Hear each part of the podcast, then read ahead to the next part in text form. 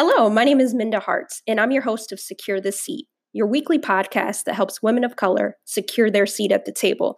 And it's not about you getting your seat and just being in the room and kicking up your feet. It's about bringing other people along with you, bringing other women of color along with you. And if you happen to work in a room with all women of color, then who else is missing? It's our duty to not just sit and take up space, but to lead with purpose and honor and dignity and character. And so I just want to start off by saying I apologize that I did not release an episode last week. I had have had a lot going on personally, and I am one of those people, and you might be one of those people as well, where I will work myself to the bone, even tired, et cetera, et cetera. But um, over the last two weeks, I had two relatives pass away, and I had to go to two funerals, and then um, I have not been feeling well. And so I had to give myself permission to just take a beat. And I kind of beat myself up about it last week because I'm like, got to get these podcasts out every Wednesday. Um, and I just physically and mentally could not do it. And I even um, thought to myself, I'm going to do it. I'm going to keep going no matter what's going on in my life. I got to keep doing this got to secure my seat, right? and uh, the reality is, we have to take care of ourselves. And I had to allow myself the opportunity to listen to my own advice and be kind to myself. And part of self care is really doing that work, practicing it, putting it into action. And I'm so happy that I took the time. Uh, and in that time period, I actually was going to bed early and it felt good to get some rest for a change because I had been on the road for the last three weeks, and um, it just felt good to take a break. And so I'm happy to be back with you. Thank you for all of the reviews and ratings that I've been receiving. Make sure if you haven't had a chance to do so, go over to Apple Podcast or wherever you're able to leave a rating or review and do that. I appreciate those, and that sends a signal to the powers that be that that secure the seat is important and that our voices are important as well. And um, a couple of other things I wanted to tell you about is um, a couple of cool things that have happened since the last time we spoke. Is I have been named one of the scholars for Aspen Institute's Aspen Ideas Festival in Aspen, uh, which is really awesome. And if you're not familiar with the uh, Aspen Ideas Festival, Google it. Uh, it's a really awesome um, festival that takes place every year in Aspen, Colorado. And I've been chosen as one of the scholars for this year. And it's such an honor because um, thought leaders from across the world come and speak at the Aspen Ideas Festival. And to be chosen as one of uh, emerging thought leaders in the in the country uh, and abroad, uh, talking about the issues that face women of color in the workplace. It's just such an honor for them to to see me. And sometimes it's just nice being seen, right? Uh, we do this work because it's important, not for the accolades, not for the trophies, but it is nice when people do recognize your work. And so um, I just want to say that uh, keep pushing, keep doing your work. And you know what's interesting about the Aspen Ideas Festival is I, I don't know about you, but you might write your goals down or you might do a vision board. And um, this year I didn't do a vision board, but I did. Uh, we can call it a vision board, but it's really just notes in my phone uh, that I wrote down the things that I wanted to do and be a part of this year. And one of them was the Aspen Ideas Festival. And actually, it's been on my quote unquote vision board for the last couple years, and it finally came to be this year.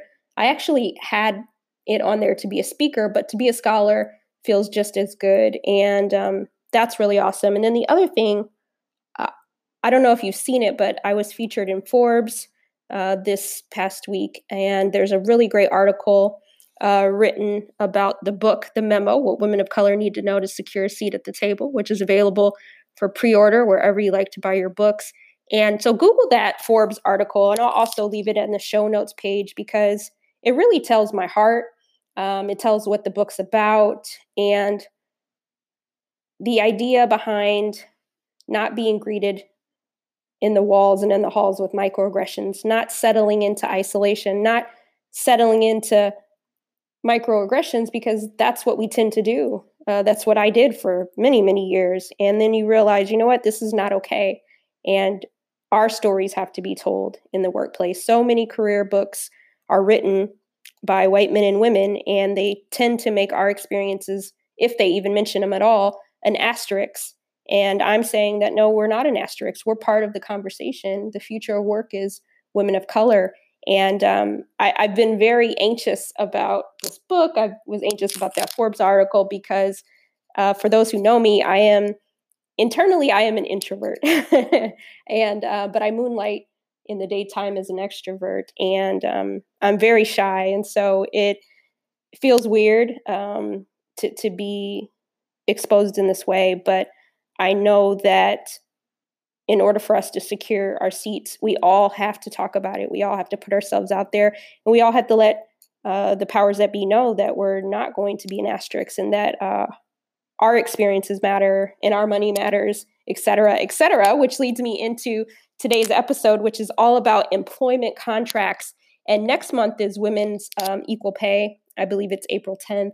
And I thought we'd get a jump start on it today. Uh, my guest is attorney Michael Coles uh, who's out of Texas. And man, when I tell you this episode really blew my mind because there were a lot of things that I just did not know about employment contracts. And it just makes me think about as each of us are going to secure our seat, um, being positioned to do that in the right way, or as you're looking for new jobs or you're negotiating your salary or your fringe benefits, knowing exactly what you should be negotiating for and making sure that things are in writing. So I know this episode is going to resonate with you. And um, without further ado, let's get into it. Michael, welcome to Secure the Seat. How are you? Doing well. How are you? I'm doing great. I can't wait to dive in into these myths around employee contracts. But before we get started, why don't you tell our listeners a little bit more about you? Sure. So I'm a lawyer in Texas, based in Dallas. I've been practicing in employment law for just over 20 years now. I went to Duke University for undergrad and for law school and came to Dallas to start my career. My practice focuses on representing employees and employers in a variety of employment related matters, both litigation, but also as it relates to today's program, uh, negotiating and also litigating employment agreements. Wow, uh, go Duke! That I spent some time in uh, in Raleigh, Durham, um, a couple years ago, and so I, I got an opportunity to go to the the infamous Cameron Stadium. So it was such a good time. Oh yeah, that's a great place. It is. It really is. And you know, a lot of people may not be familiar, Michael, with employment contracts and kind of how all that goes down. And women are negotiating at every turn. And in honor of Women's History Month, let's discuss it. So, first, tell us what employment contracts are. Well, that's a, a key question there because one of the myths of an employment contract is that there is only a paper a document as opposed to an oral contract. So, at its broadest, an employment contract is any agreement for compensation in exchange for work or services. And that agreement can be even when you think about being a teenager and you are working at a fast food restaurant. Courts consider that an employment relationship that is contractual because you have agreed to work and they have agreed to pay you. And so uh, that could include all the way up to, I've seen obviously 20 page contracts that are far more detailed and have a lot more nuance to them. Uh, but any agreement that covers the employee employer relationship uh, is exactly that an employment contract. Okay, that makes sense. And why should women care about this or ask for it or be aware of it? Yeah, so this is where the, the tricky part comes in because when you start a position, the the typical response to getting a new job is usually joy, excitement, you're ready to get started. And so as you get to that moment of being so eager to begin the work, you really have to think about what is it that I have agreed to do and what is it that they have agreed to give in exchange. And so I'll give you an example. Let's just take a commission program that might be in place at a particular job. And it could also be a bonus program, but any kind of compensation that is performance based, even if it's based on the performance of the company, not just your individual performance. So this happens fairly often in my practice is the question comes up, well, what happens if I am not here for the end of the year or when the bonuses are paid or I'm terminated or and I see this fairly often with women what about maternity leave and perhaps prorating a bonus or receiving it before I go on leave or the bonuses are paid when I'm on leave? These are important considerations that have to be addressed as you're entering the job because keeping in mind if you are entering and nowhere near uh, thinking about having a child, this is still the employment contract, whether it's written or not, this is the employment contract that will govern what happens perhaps in five years when you are actually planning to have a child. Wow, that that's amazing, and it makes me think about some of the agreements that I have not maybe pushed at an employer or um, really thought about. Because to your point, we're just happy to get the job. We're mostly thinking about what am I going to get paid, and some of those other fringe benefits we aren't always thinking of, about like getting in writing, right? That's right. That's right. And and there's a certain amount of reluctance to rock the boat. You've just gotten the job. The last thing you want to do is start off as a problem child, right? You don't want to show up on your first day of work and start demanding things and creating problems. And one of the things that I would say and this is again not unique to women, but I see it more frequently with women, is the desire to go along and get along is so strong that you end up basically doing yourself a disservice because uh, men, first of all, and then second, people who are, again, European American are seeing this experience from a different perspective there's a different sense of what it means to protect yourself and what it means to uh, essentially establish a more level playing field. And that begins with things like asking for things in writing, getting things confirmed, and, and not accepting when someone says to you, we'll get to that later, or that's just how we do it, or that's what the policy is. Uh, really pushing to make sure that as you enter the door, you know what lies ahead of you. Yeah, I'm so glad that we're talking about this because I'm even like replaying some of my experiences in my head that I cannot go back to. But I'm hoping that women in the workplace right now will think about these ways to incorporate employee contracts and as they're negotiating, think through what this could potentially look like for them. And and with that said, you touched a little bit about one of the myths, but what are the myths about employee contracts? Yeah, so let's start with that first one that there's no oral contract. And people will say that in a variety of different settings. And it's generally not true.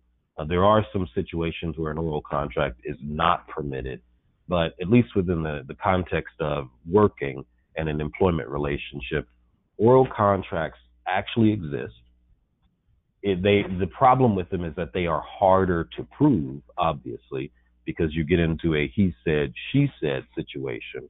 But once you have a pattern or practice of a certain kind of transaction, so let's just say if you're told that bonuses are paid on the first pay period at the end of each quarter, if you are told that and that then happens with some consistency, that's where you're looking for your evidence of this is what I was told, and you can see this is how it happened. And now, in fact, I'm insisting that it happen again later, and I'm arguing that that is a contractual obligation, and that's useful. So don't omit the idea that there is an oral contract. But keep in mind that you are making an oral contract with a person who can just as well make an argument that you committed to something or promised something during the course of that discussion or negotiation that perhaps you don't recall or you frankly outright disagree that that was a commitment that you made. So uh, it's a double edged sword. On the one hand, I could say to you, an oral contract exists. And so you can take some comfort in knowing that you have contractual rights and obligations that you can lean on if there is a dispute. Uh, the flip side of that, the second edge of that sword is from the employer's standpoint, they also have a certain set of expectations that were formed in this contractual relationship. And again, it is not in writing, and we're going to have to piece it together from memories and recollections and perhaps emails and other things that will help us outline and define the terms of that contract. It's certainly not ideal. Uh, in some positions, it is just simply understood that there's no employment contract. And, and I certainly wouldn't say for certain kinds of positions that are, for example, as I said, uh, whether you're an hourly employee uh, or if you are in an entry level position, it's fairly common to not have a written contract. And I wouldn't recommend to your listeners to run into work and say, I need an employment contract. Uh, it, it's not likely to happen. Uh, so there has to be a certain amount of discretion and judgment used to determine when is this employment relationship really consistent with a written document versus an oral agreement. Yeah, that's a good point. beware, beware with caution, right? Um, uh, just to knock down your boss's door and be like, I need an employee contract. There's ways to finesse it, right? And that's where you come in. that's right. That's right. And, and again, I tell my clients that when you're coming into a position, they're hiring you for a number of different reasons, whatever skills, education, background, but also good judgment, right? Every employer wants an employee that's exercising good judgment. And this scenario is no different. And in fact, if you exercise poor judgment on the entry to the position, uh, that may be an indication that they've made the wrong choice. And so if you're not sure if this is the kind of position where an employment contract would be uh, typical or reasonable, you can reach out to, to me or any other employment lawyer and just say, hey, I'm starting this job. I don't have an employment agreement. They've said they don't do that. Is that reasonable? Any reason for me to be concerned given the nature of my work? Wow, uh, I think that's amazing. And I know that there are ways to do that and i'm glad that we're talking about this because again sometimes we don't even know what we don't know that we can leverage these our negotiation skills by bringing in a third party like yourself. So i'm glad that we're we're talking about this michael. And that leads me to another question is how can women of color learn more about their conceptual rights? I mean obviously they can hire someone like yourself uh, but are there any other resources that they can begin to start to think about what that might look like for them? Well, the, the internet is a wonderful and dangerous place.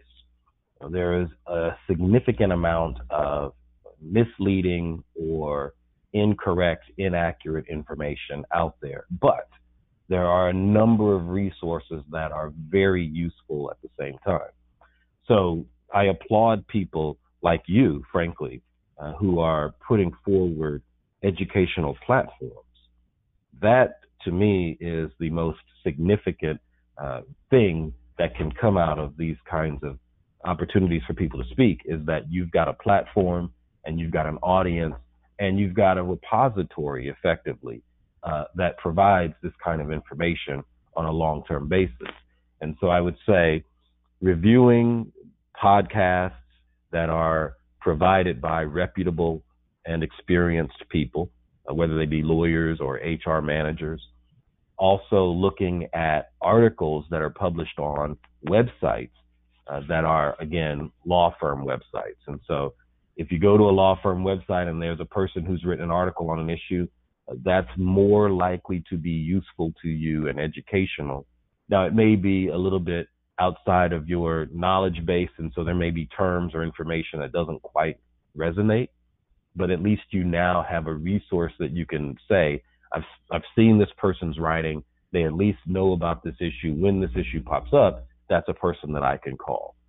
Uh, similarly, uh, there are a number of uh, video clips and other things, again, by experienced and trained professionals who are providing some measure of information to a public audience that is intended to educate them. And so, if you look at those kinds of resources online, that is fantastic. Uh, now, what I would say in terms of getting away from an internet based uh, sort of resource, the problem is that I see this often as well.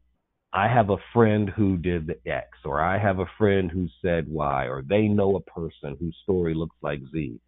And ultimately, those anecdotal pieces of information floating around, they just lack a lot of details and context to really make good, sound decisions.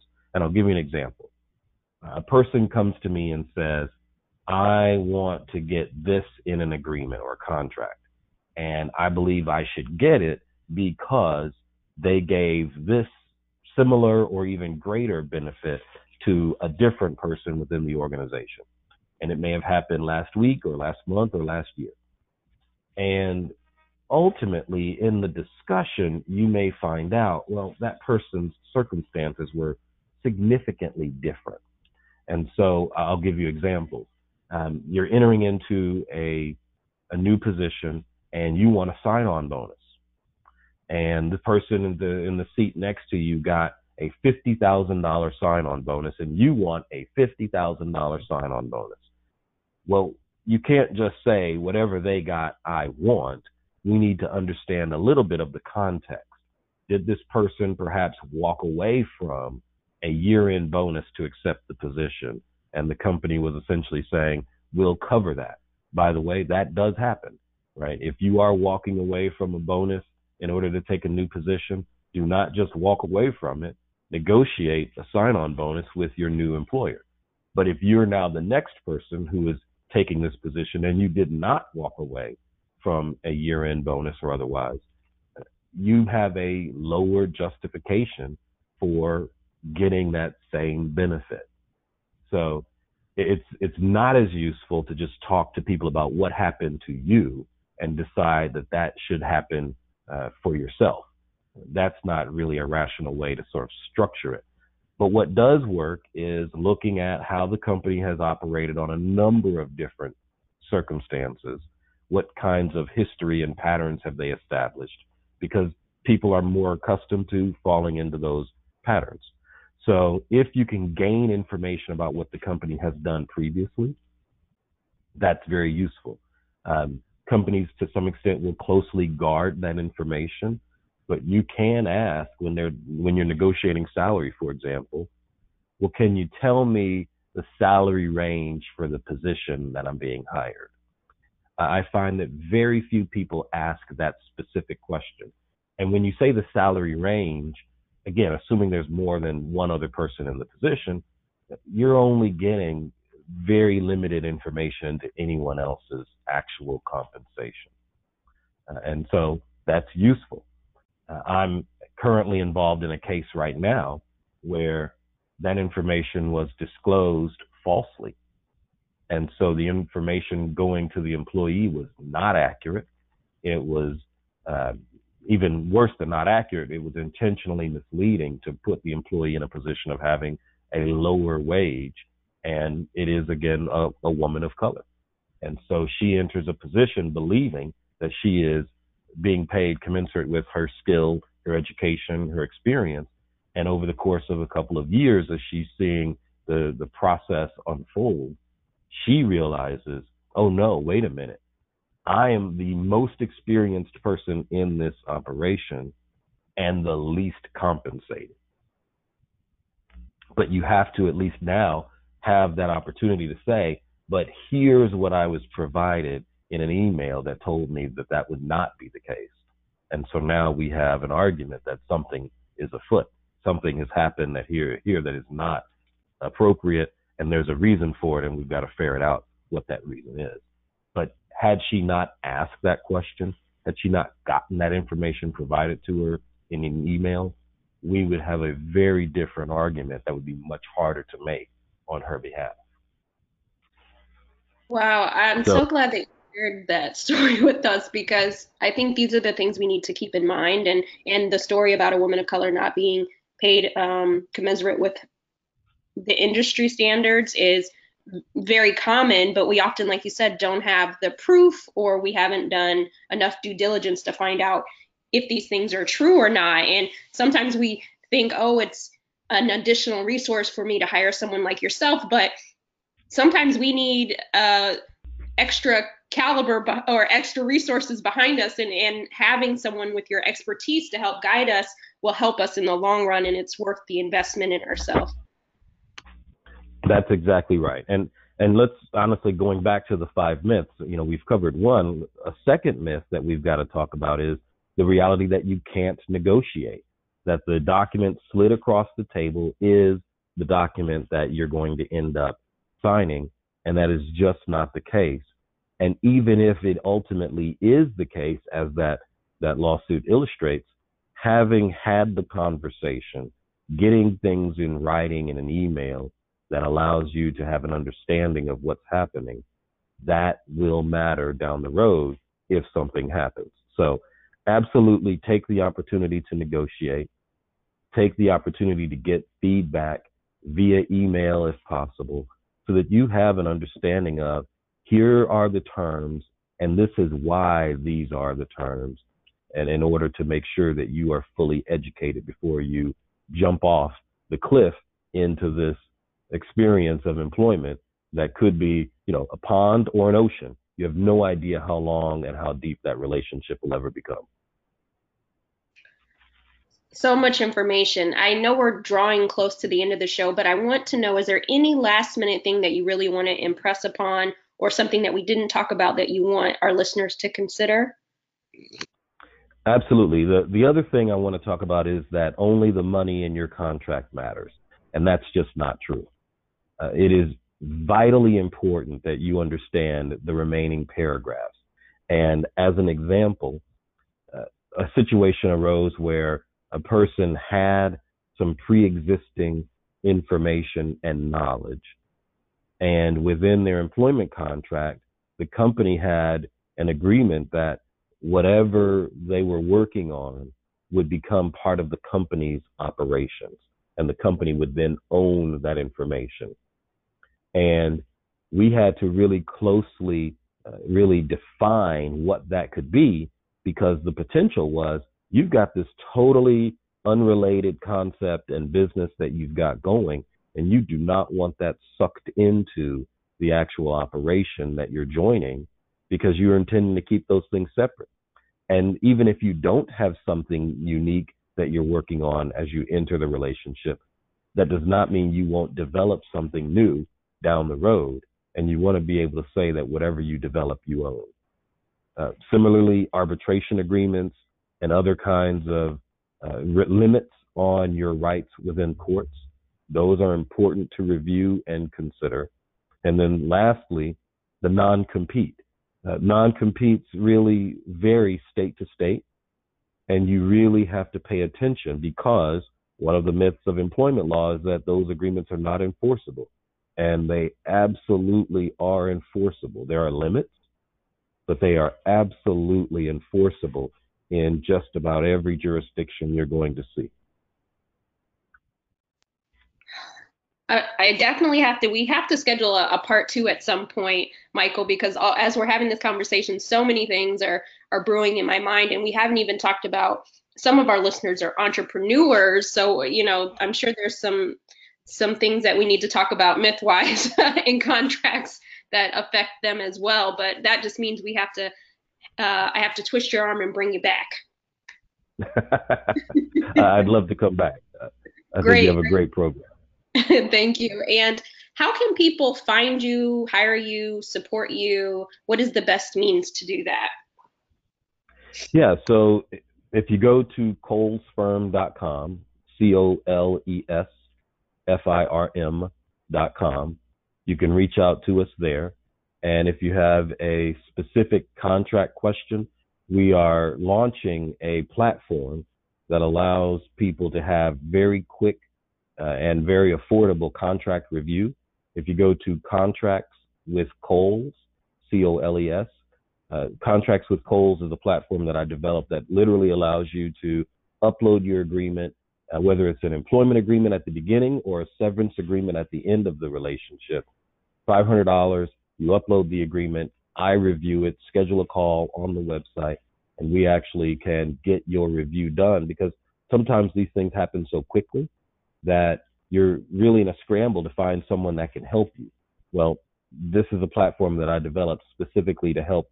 You can even, if you need to, take a picture of the contract with your cell phone to upload it if you're really in a jam in terms of time and you need some help that quickly. Uh, so that's one of the things that we want to talk about is access is important. And what we're trying to do is really generate ways for people to have improved and increased access to legal services when they need it most.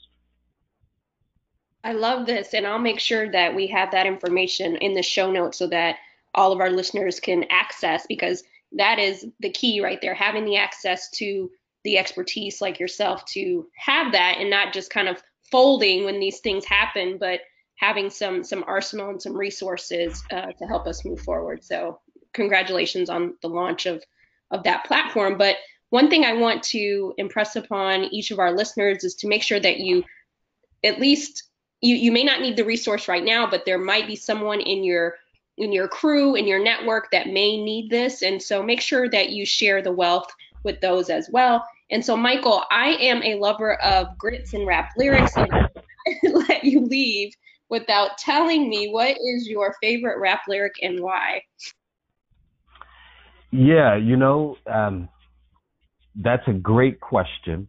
And perhaps because of both my age, the era in which I grew up, uh, but also because of what I do professionally and what I've studied, my favorite rap lyric has always been a, a Public Enemy song, and it is "Most of my heroes don't appear on no stamp." And it really, I, I heard that song in high school, and it just the song is "Fight the Power," and it really helped me because I became a, I was going to be a history major, and I thought, you know, actually, I really want to study something more specific than just history. And so African American history is what I ended up studying at Duke and getting uh, as a major that in political science. And so that lyric literally got me thinking about who is it that is an American hero and how do we identify them? And that's what got me to study them in the first place. So that lyric, most of my heroes don't appear on no stamp, has has meant something to me for gosh, almost 30 years now. I love that. Uh, we have to remember that we got to dig in the crate sometimes and pull back some of those really hard hitting lyrics. And I, I, love that you used a public enemy um, lyric for that. And that's true. Most of our heroes do not appear on stamps. At least most of mine don't anyway. so that that is good. Uh, and then lastly, the show is called Secure the Seat. When I say that to you, what does that mean in your own words? Yeah, that when I first saw the title of the podcast, I thought about it, and there was a, an interesting, uh, sort of obvious understanding that I had, and then I'll give you a, a different understanding that's really more specific to this program, which is the initial thought was absolutely right. There's a seat at a table, and you need to do what you can to make sure that you can get to that seat. And it's important that you be thinking about I want to not just be able to be in the room, right? I want to be at that table. I want a seat at that table. And then as I thought about it a little more, I thought, you know, here's the thing. And this is the, the thing that's related to employment contracts. Contracts provide a level of security. And if you get a seat at the table, whatever seat you've got, you better be sure to secure it because just like I, I travel quite a bit and you get on a plane and they say buckle the seatbelt, turbulence is coming, it, it can be a bumpy ride. And if you aren't paying attention in advance of the bumps and you haven't secured that seat, when those bumps come along, you may be thrown out. Mic drop. There's nothing else to say matter.